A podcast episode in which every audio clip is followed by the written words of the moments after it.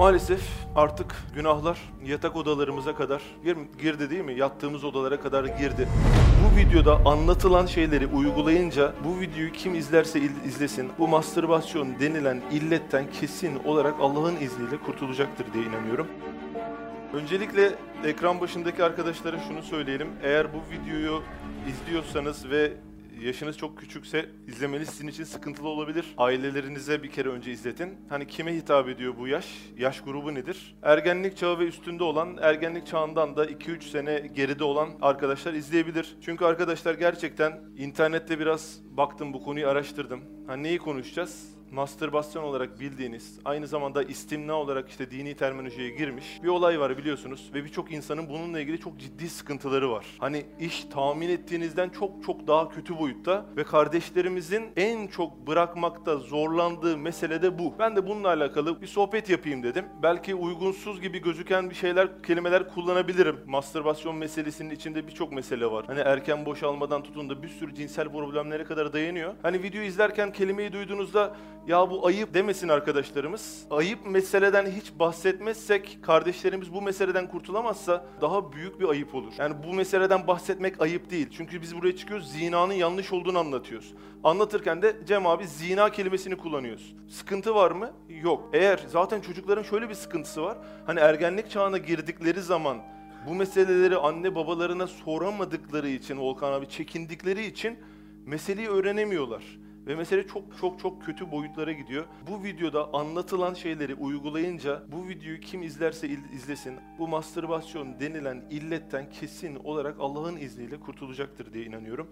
Eğer böyle bir sıkıntı sizde yoksa ileride nefsinize mağlup düşebilirsiniz. Veya ileride böyle bir sıkıntı olmayacaksa da e, bu sıkıntıdaki bir kardeşinize bunu güzel güzel tatlı tatlı anlatmak istiyorsanız lütfen arkadaşlar dersi çok çok çok çok dikkatli dinleyelim. Maalesef artık günahlar yatak odalarımıza kadar gir- girdi değil mi? Yattığımız odalara kadar girdi. Odana çekiliyorsun kardeşim. Odandasın. Hiç kimse yok. Elinde bir telefon var veya önünde bir laptop bilgisayar var. Aslında bütün dünya o anda avuçlarının içinde. O bir anda bakıyorsun laptopun içinde bütün dünyadaki haramlar senin karşına çıkabiliyor. Hani eskiden böyle miydi? Değil de değil mi abi? Eski jenerasyon, hadi bizden daha önceki jenerasyon. Ya bir insan bir harama girmek istiyorsa çok uğraş vermek zorundaydı. Hani zaten hani internetle oluyor bütün sıkıntılar biliyorsunuz şu anda. Televizyon, internet gibi. İnterneti kötülemiyorum yanlış anlamayın. Faydalı ve zararlı tarafları mutlaka var. Ama ne oldu? Eskiden hani internet yok, bir şey yok. İnsanlar hani iletişim araçları zayıf olduğu zamanlar daha daha geriye sarın. Belki de eski zamanda iletişim araçlarının olmadığı zamandaki bir adamın ömrü boyunca gördüğü haramı şu anda bir genç laptopunun karşısında bir saat içinde tamamını görüyor. Doğru mu kardeşim? Yani asır biraz karanlık. Ama Cenab-ı Hak derde göre devasını da verir. İnşallah bu sohbet kardeşlerimize tiryak olacak. Abi moralim bozuldu ya. Bugün e, araştırma yapıyorum dedim ya. Yani baktım insanlar ne yazıyor? Mastürbasyonla ilgili sıkıntısı olanlar ne yazıyor? Şunu fark ettim. Dindarlar değil sadece. O kadar çok böyle şikayet var ki vicdan azabı duyanlar, kurtulmak istiyorum diyenler böyle forumlara baktım. Milletin yani ciddi böyle başına bela olmuş yani. Sadece din namına söylemiyorum bunu. Bak gelen yorumlardan birkaç tanesini okuyayım size. Durumun vehametini anlayın arkadaşlar. 36 yaşındayım.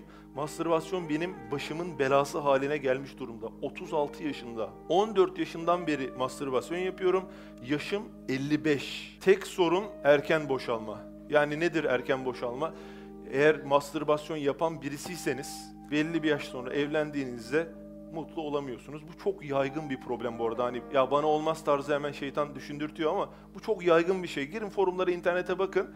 Yani ne oluyor? Evlendikten sonra erken boşalma probleminden dolayı adam karısını e, tatmin edemiyor. Tatmin edemeyince de evlilik sıkıntılı boyutlara kadar da gidebiliyor. Yani evliliğini sıkıntıya sokuyor yani bu olay. Zaten hani bunun dinen haram olduğuyla ilgili bir şey, açıklama yapmama gerek yok. Bir kere Bornova Sözler Köşkü'nde ilginç bir şey oldu.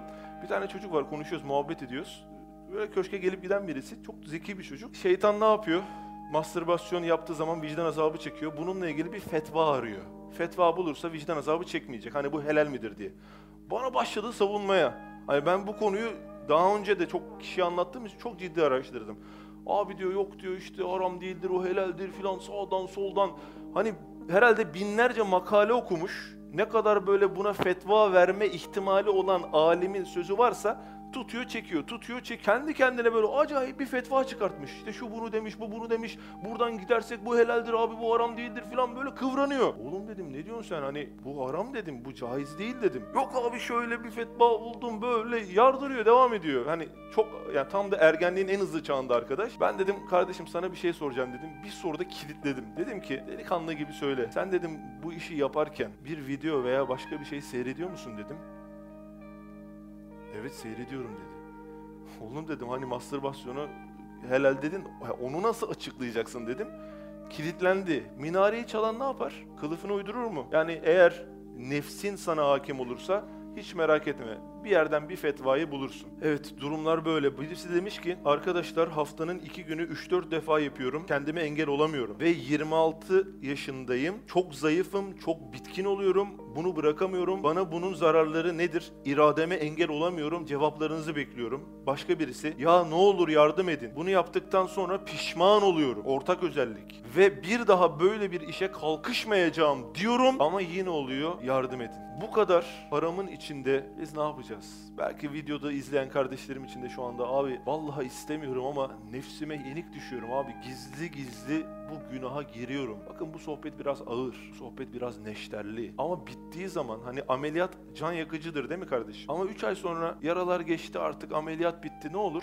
Eskisinden daha sağlıklı oldun. Hani belki videoyu izlerken sen kimsin lan geri zekalı içinizden bir sürü şey geçip problem değil. Bana istediğinizi söyleyin. Ben bir tane kardeşime faydalı olacaksa bu sohbeti yapmaya karar verdim. Bakın şimdi size bir hadis okuyacağım arkadaşlar. İbn Mace Züht 29 kaynaklı. Hazreti Sevban bildirdiğine göre Peygamber Aleyhisselatü vesselam şöyle buyurmuştur. Çok dikkat edin. Ümmetimden bir kısım insanlar bilirim ki kıyamet günü Tıhame dağları emsalinde bembeyaz tertemiz hayırlarla gelirler. Abi sevaplara bakar mısın? Ümmetimden bazıları gelirler diyor kıyamet gününde. O koca dağlar var ya, karlı dağlar var ya abi. O dağlar kadar sevapları ve hayırları var. Aziz ve celil olan Allahu Teala Hazretleri o sevapları saçılmış toz haline getirir.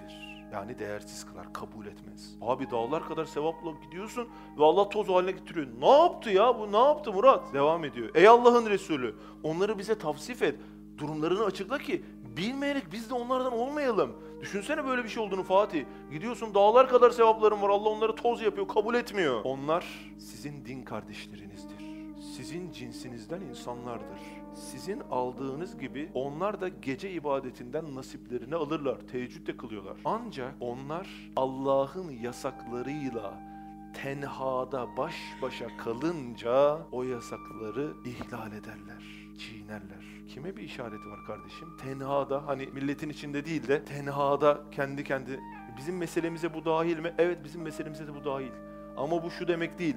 Mastürbasyon yapan insanları ne kadar sevap olursa olsun Allah onları kabul... Böyle bir şey yok. Tövbe kapısı zaten açık. Bu bölüm belki de biraz da riyakarlara işaret ediyor da olabilir. Hani dışarıda başkasının yanında günaha girmiyor. Tek başına kaldığında giriyor. Ama mastürbasyon meselesinin de bununla alakadar olduğunu düşünüyorum. Ya şöyle düşün ya, şöyle düşün. Evdesin, odanda oturuyorsun. Şeytan bu konuda en çok ne zaman oynar? Yalnızken oynar. Ailen evde yokken oynar. Yani öyle kalabalık içinde bir araya gelelim böyle bir şey böyle bir şey olmaz. Yalnızken seninle oynar. Laptop var karşında. Pop-up dediğimiz window'lar var ya bir anda pencere çıkıyor karşına. Hemen kapatıyorsun, çıkmaya çalışıyorsun. Yani artık bizi bu lastik reklamlarında bile açık saçık kadınlar oynayarak aslında bizi bir dümene getirmeye çalışıyorlar. Fark ediyor musunuz? Yani lastik reklamında açık kadının ne işi var? Lastikle bu kadının ne alakası var? Anlatabiliyor muyum? Çok çok saçma saçma şeyler etrafımızda dönüyor. Laptop duruyor karşında kardeşim. Şeytan bir anda oynamaya başladı. Aç gir şu sitelere bir bak dedi. Evde yalnızsın. Peki kardeşim şunu sormak istiyorum. Sen e, bir dizi izliyorsun laptopta ve dizilerde biliyorsunuz artık haram diziler de var, kötü sahneler de var. Dizide haram bir sahne çıktı. İki kişinin uygunsuz hareketleri çıktı Mert. İzlemeye devam ediyorsun çünkü kimse yok. İzliyorsun, bakıyorsun, hoşuna gidiyor. Peki bir şey soracağım. Baban içeri girdiği zaman ne yaparsın? Ne yaparlar Murat? Hemen kapatılır değil mi? Kapatılır. Niye ya? Niye utandın ki ya? Şöyle düşünmemiz gerekmiyor mu Hacı abi? Ya kardeşim, anandan babandan utanıyorsun da alemlerin Rabbi olan Allah seni her an görüyor, her an gözetiyor. Babandan utandın da alemlerin Rabbi olan Allah'tan utanmadın mı? Çekinmedin mi? Ya ne bu rahatlık ya? Bu günaha girerkenki rahatlık ne? Yani ümitsizliğe de düşürmek istemiyorum kimseyi. Bizim zaten ümitsizlik diye bir olayımız yok. Ama Burada çok ciddi bir hata yaptığımızı fark ediyorum. Babanın varlığına inandığın için kapattın. Hani Allah'ın varlığına olan inancında mı bir sıkıntın var, imanda mı bir zafiyet var diye kendimizi bir sorgulamamız gerekiyor. Şunu da unutmayın. Bir insan Allah'ın huzurunda günaha girer. Evet Allah her şeyi görüyor mu kardeşim? E peki hepimiz günahkar mıyız? Girdik mi Zübeyir günahlara? Allah'ın huzurunda mı girdik? Evet Allah bunları gördü. İnsan hata yapar, insan düşer. Ama Allah şuna bakıyor. Düştüğü zaman ayağa kalkma gayretinde mi? Tövbe ediyor mu? Zaten ne deniyor? Siz günah işlemeyen bir topluluk olsaydınız sizi helak eder tekrar yaratırdım diyor. E o zaman o gayret olacak, o tövbe olacak. Yani bin kere aynı hatayı yapabilirsin. Bin kere tövbe edip bin kere de tövbeni bozabilirsin. Ne yapacaksın? Başka Allah'ın kapısından başka bir kapı mı var? Gidebileceğin yok bin bir veya bin ikinci kez aynı kapıyı çalacaksın. Belki de Allah tövbeni kabul edecek, belki de etmeyecek ama başka bir kapı yok. Buna gideceğiz, bu kapıyı zorlayacağız. Ümitsizlik kapısı değil bizim kapımız değil mi? Şimdi şuraya gireceğiz arkadaşlar. Mesele yavaş yavaş anlıyorsunuz zaten. Çözümleri en son sunacağım ve inşallah e, videonun sonunda da iki tane çok sağlam çözüm var. Allah'ın izniyle yüzde yüz çözeceğini düşünüyorum o şekilde. Çok iddialı o konuda. Arkadaşlar Efendimiz Aleyhisselatü Vesselam Taif'te ne yaşıyor? Taşlanıyor doğru mu kardeş? Olayı şöyle bir hatırlayalım mı? Allah Resulü Aleyhisselatü Vesselam Mekke'de biliyorsunuz ciddi bir ambargo uygulanıyor. Efendimiz Aleyhisselatü Vesselam Allah'ın ayeti var. İnsanlara açıkça tebliğ etmesi lazım. Ama bakıyor ki 10 sene boyunca Mekke'de 300-400 kişi iman etmiş. Yani abi 10 sene geçiyor bak. İslamiyet 300-400 kişi bir kısmı Habeşistan'a gitmiş, bir kısmı gizli, gizli Müslüman ishar etmiyorlar. Efendimiz Aleyhisselatü Vesselam bir çıkış kapısı arıyor. Ne yapayım, ne edeyim diyor. Ve diyor ki ben Taif'e gideceğim diyor. Hazreti Zeyd'i yanına alıyor. Hazreti Zeyd'i yanına alıyor ve yola çıkıyorlar abi. Yürüyorlar. 107 kilometreyi yayan bir şekilde gidiyorlar. Çünkü herhangi bir binek yok. Ciddi bir ambargo uygulanmış. Açlık, kıtlık çok kötü bir durumda. Ve Efendimiz Aleyhisselatü Vesselam'ın hüzün yılı. Yani Hatice Tül Kübra'yı kaybetmiş. Yani Ebu Talib'i kaydetmiş, kaybetmiş ve Taif'e doğru o mahzun, o kalbi yaralı Peygamber aleyhissalatü vesselam yola çıkıyor. Bir umut var. Taif'e gideceğim, oranın insanlarını anlatacağım ve oradan İslamiyet'e iman eden insanlar olacak ve İslamiyet büyüyecek diye bir umutla gidiyor. Ve günler boyunca yayan bir şekilde çöl şartlarını düşünün. Nereye gelecek Murat mevzu? Senin için bu kadar fedakarlık yapan, sana bu dava ulaşsın diye bu kadar fedakarlık yapan bir peygambere yakışıyor musun? Buraya geleceğiz. Efendimiz Aleyhisselatü Vesselam Hazreti Zeyd'le birlikte yürüyor. Acaba ne olacak? İman edecekler mi? İslamiyet inkişaf edecek mi derken Taif'e giriyor. Oranın üç tane reisi var. Onlarla konuşuyor. Mevzuyu anlatıyor. Ben Allah'ın Resulüyüm diyor aleyhissalatü vesselam. Ve hiç beklemediği bir cevapla karşılaşıyor. Şiddetle karşı çıkıyorlar abi. Dalga geçiyorlar. Efendimiz aleyhissalatü vesselama inanmıyorlar. Allah Resulü aleyhissalatü vesselam mahzun, üzgün. Ve diyor ki onlara en azından bu meseleyi size geldiğimi Kureyşilere söylemeyin diyor. Umurlarında değil. Haberi anında uçuruyorlar Kureyşlilere ve Allah Resulü Aleyhisselatü Vesselam oradan ayrılmak için yola çıktığında talimatlar veriliyor. Orada ne kadar ipsiz sapsız ne varsa çoluk çocuk hepsine talimat. Bunlar kilometrelerce boyunca yürüyecekler ve taşlanacaklar ve bunlara tüküreceksiniz. Ve bunlara küfür edeceksiniz, hakaret edeceksiniz diyor. Hazreti Zeyd ve Allah Resulü Aleyhisselatü Vesselam yürümeye başlıyorlar. Uzaklaşıyorlar abi. Uzaklaşırken yaklaşık 2-2,5 kilometre boyunca Efendimiz Aleyhisselatü Vesselam taşlanıyor. Alemlere rahmet olarak gelen o peygamber, o insanların imanını kurtarmak isterken o insanlar taşlamaya başlıyorlar. Hazreti Zeyd'in her yerini atıyorlar ama Hazreti Zeyd Peygamberimiz Aleyhisselatü Vesselam'a gelmesin diye bir mücadele gösteriyor. Bütün taşlara göğüs germeye çalışıyor. 360 dereceden abi ne kadar savunabilirsin ki? Hazreti Zeyd'in her yerine taş atıyorlar. Peygamberimizin her yerine atmıyorlar. Belden aşağısına atıyorlar. Çünkü ölürse ne çıkar? Kan davası çıkar diyerek Hazreti Peygamber Aleyhisselatü Vesselam belinden alt, aşağıya atıyorlar taşları. Hazreti Zeyd Efendimiz'i korumaya çalışıyor. Ama vücuduna gelen taşlardan daha çok canını yakan bir şey var. Vücuduna gelmeyen taşlar. Yani Peygamberimiz Aleyhisselatü Vesselam'a giden taşlar ve Hazreti Zeyd'in üzerinde yüzden fazla taş yarısı var. O, o bir şey mi? Taş atmaktan daha ağır şeyler vardır kardeşim. Nedir o? Peygamberimiz Aleyhisselatü Vesselam'a tükürüyorlar. Hazreti Zeyd'e tükürüyorlar. Hakaret ediyorlar. Ve iki iki buçuk kilometre bu şekilde geçiyor. Daha sonra senin için taşlandı bu arada bilgin olsun. Hani bu dava sana gelsin diye, bana gelsin diye. Ve oturuyorlar Hazreti Peygamber ve Hazreti Zeyd. Bir bağın kenarında oturuyorlar, bir bağda oturuyorlar. Bir köle geliyor, oranın sorumlusu köle. Hristiyan. Efendimiz Aleyhisselatü Vesselam'a elinde bir üzümle geliyor. Çok garip bir şey değil mi? İnsanlardan hidayete gelmelerini beklerken taşlanıyorsun, küfür yiyorsun ve bir köle sana üzüm getiriyor. Efendimiz alıyor, Bismillah diye başlıyor. Sonra oradan bir muhabbet geçiyor ve bir konuşmanın sonunda o köle, Hristiyan olan köle Allah Resulü Aleyhisselatü Vesselam'a iman ediyor. Orada Efendimizin kalbi tabii bir hoşnut oluyor. Daha sonra o muhabbet geçtikten sonra tekrar kalkıyorlar ve yürümeye başlıyorlar. Bakın olaya bakın arkadaşlar. Nasıl bir olay gerçekleşecek şu anda. Ve yürüdüklerinde belli bir yere geldikleri zaman bulutlarda Cebrail aleyhisselam tezahür ediyor. Cebrail aleyhisselam diyor ki ey Allah'ın Resulü sana yapılan bu zulme Allah şahit. Allah bunu gördü ve dağlardan sorumlu olan melaikeyi ve beni sana gönderdi. Daha sonra dağlardan sorumlu olan melaike Allah Resulü Aleyhisselatü Vesselam'a senin bu davaya erişebilmen için mücadele veren bu Allah Resulü Aleyhisselatü Vesselam'a diyor ki dağ meleği ey Allah'ın Resulü Allah bana emir verdi. Sen istersen ey Nebi Allah sana bu zulmü yapan Taif halkının üzerine etrafındaki dağları yığmam için, onları helak etmem için, onları toprağın altına gömmem için Allah bana emir verdi. Sen istersen ey Allah'ın Resulü. Düşünsene abi o sinir harbinde taşlanmışsın. Efendimiz kan revan olmuş. Hazreti Zeyd daha beter bir durumda ve böyle bir şey geliyor. Bir düşünsenize bize böyle bir şey gelse biz ne deriz? Onları yerle yeksan et, onları perişan et deriz. Ama Allah Resulü öyle demiyor. Diyor ki ben alemlere rahmet olarak gönderildim. Ben rahmet peygamberiyim. Evet onlar iman etmedi ama onların neslinden gelen insanlar olacak. Onlar iman ederler diyor ve bu teklifi kabul etmiyor. Onların neslinden gelen insanlar belki de şu anda burada arkadaşlar. Peygamberimiz Aleyhisselatü Vesselam şu şefkati, şu merhameti, şu bizim için vermiş olduğu mücadeleyi niye anlattım Hasan abi? Kardeşim ona layık ol, ümmet olmaya çalışalım ya. Çalışalım yani bize yakışmayan işleri yapmayalım ya. Görmüyor musun bize savaş açmışlar. Çıplaklıkla çocukları, gençleri şiddete alıştırmakla şu bize getirdikleri durum. Her yerde şehvet unsurları karşısına çıkıyor gençlerin ve haliyle gençler de şehvetlerini bir şekilde tatmin etmek istiyorlar ve mastürbasyon denilen illetle hayatlarını berbat ediyorlar. Maalesef arkadaşlar Böyle bir durum var. Peki bunun çözümü nedir? Peygamberimizi anladık değil mi? Bizim için neden taşlandığını anladık mı Tuncay? Şöyle düşünsene. Bir gün evine Peygamber aleyhissalatü vesselam gelse kardeşim. Dizi izliyorsun. Hani o haram diziler var ya. Haram deyince aklınıza en kötü çıplak filmler gelmesin. Normal bir filmin içinde de kötü bir sahne geldiğinde izliyorsun ya. Düşün. Oturuyorsun ve izliyorsun. Allah Resulü Aleyhisselatü Vesselam geldi yanına oturdu. Sahne geldi. Utanmıyor musun ya? Utanmıyor musun ya? Bu nasıl bir vicdan? Ne olmuş bize? Abi ben böyle birisi değilim ya. Kardeşim evet herkes annesinin karnından doğduğunda çok masum.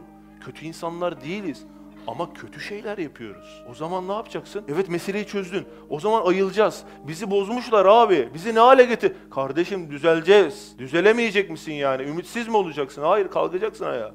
Peki ne yapacağız? Bir hadis daha okuyayım mı size arkadaşlar? Çok güzel çok böyle beşaretli bir hadis. Benim çok hoşuma gidiyor.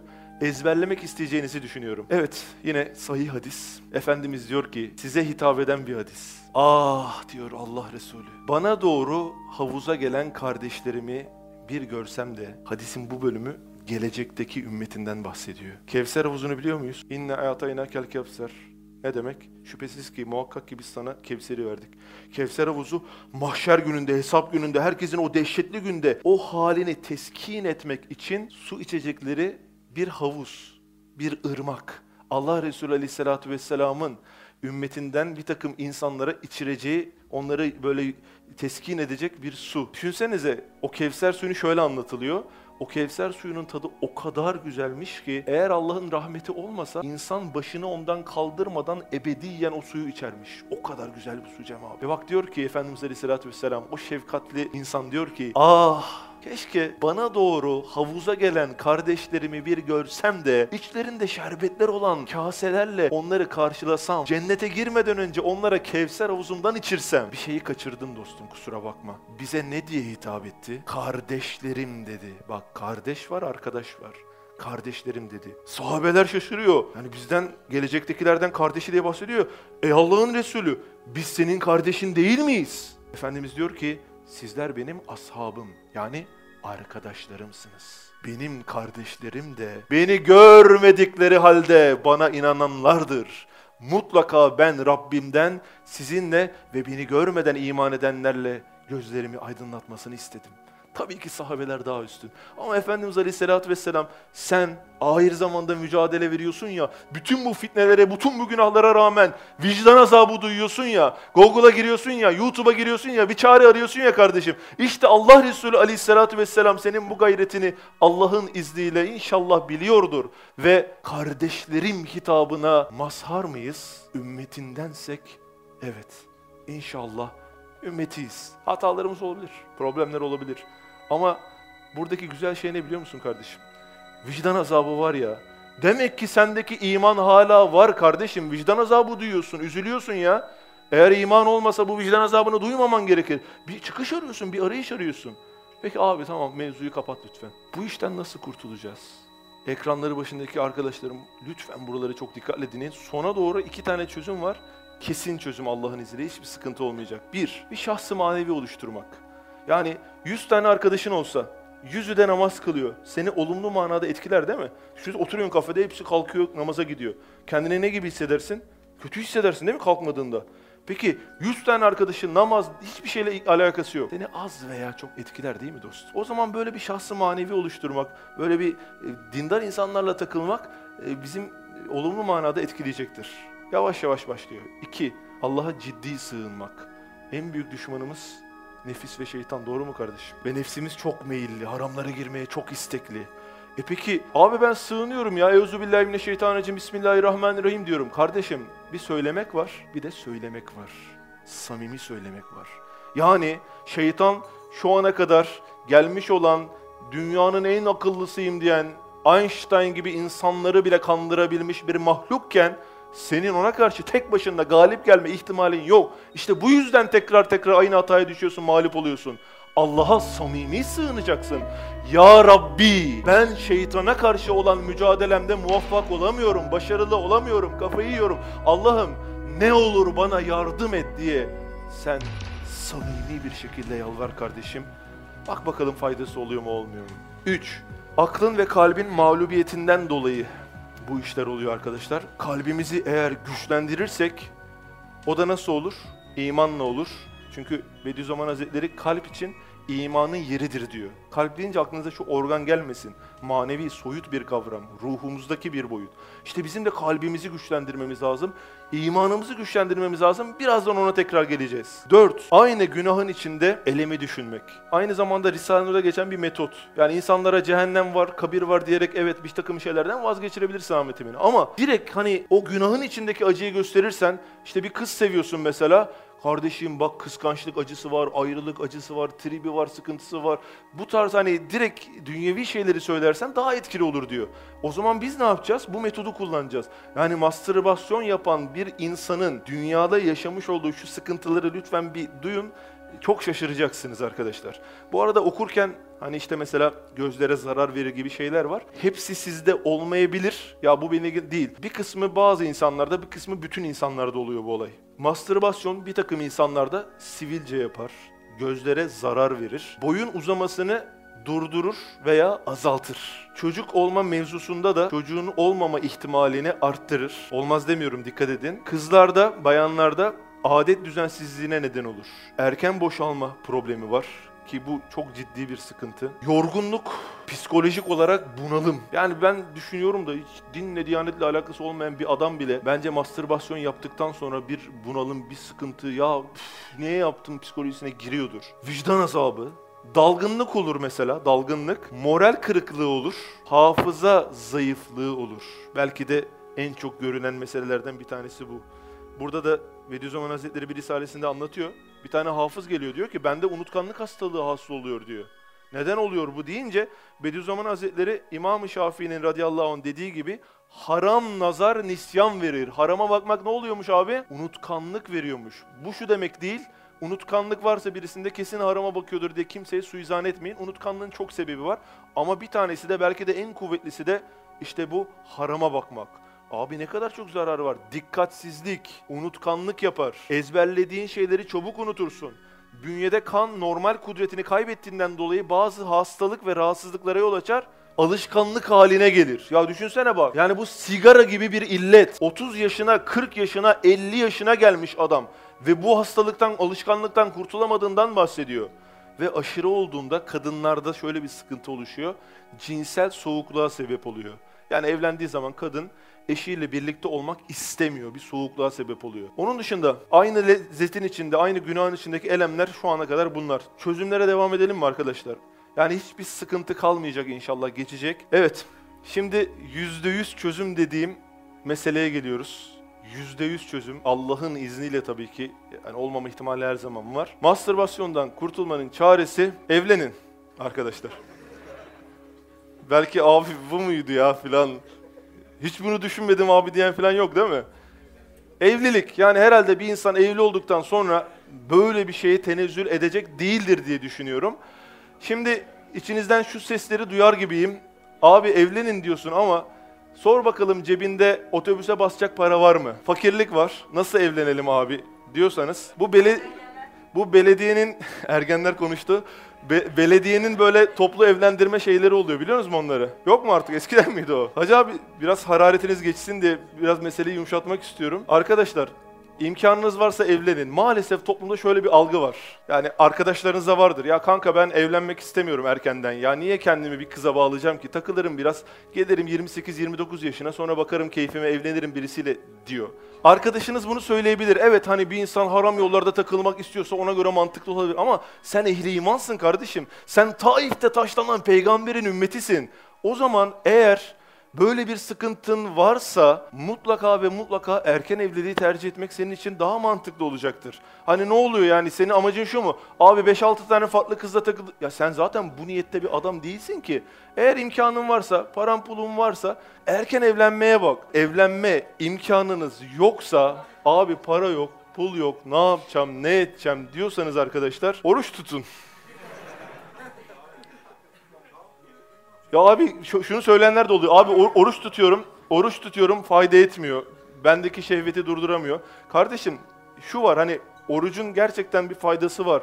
Ama hani bütün bunlarla birleştirdiğin zaman bence mesele çözülecektir ama orucun mutlaka bir faydası var. Çünkü Efendimiz Aleyhisselatü Vesselam diyor ki Buhari'den nakil bir hadis.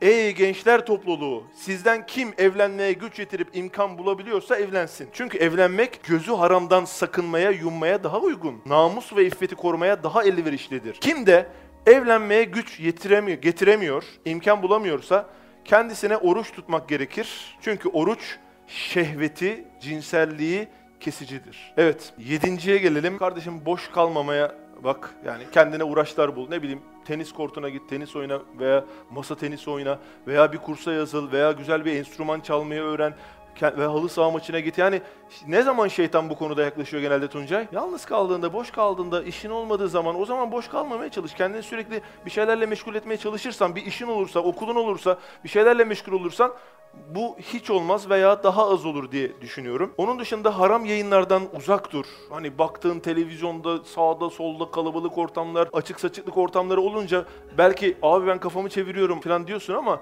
sonuçta onu yine hafıza kaydediyor ve bilinçaltına giriyor ve senin şehvetin olarak o sana geri dönüyor. O yüzden okuduğun gazeteye de dikkat et, izlediğin yayınlara da çok dikkat et. Dokuzuncu olarak e, bunun kesinlikle Allah tarafından yasaklandığı bir şey olduğu hatırına getir. Dini manaları hatırına getirince ne olur? İnsan bu kadar iğrenç bir şeyi hani Allah'ı düşünürken nasıl yönelebilir değil mi?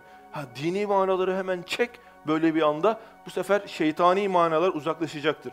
Onun dışında dostum aklına geldiğinde Hani bu mastürbasyon insanın aklına geldiğinde bunu def etmek için şöyle fiziksel bir çözüm var. Soğuk suyu cinsel bölgene veya mümkünse bütün bütün vücuduna dökersen hani soğuk su derken öyle hani sizi titretecek kadar bir sudan bahsetmiyorum.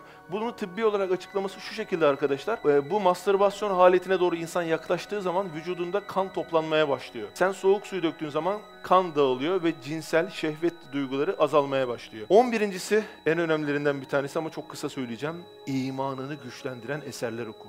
Biz niye burada Risale-i Nur tefsiri okuyoruz? Neden Kur'an-ı Kerim anlamaya çalışıyoruz? Çünkü imanımız güçleniyor.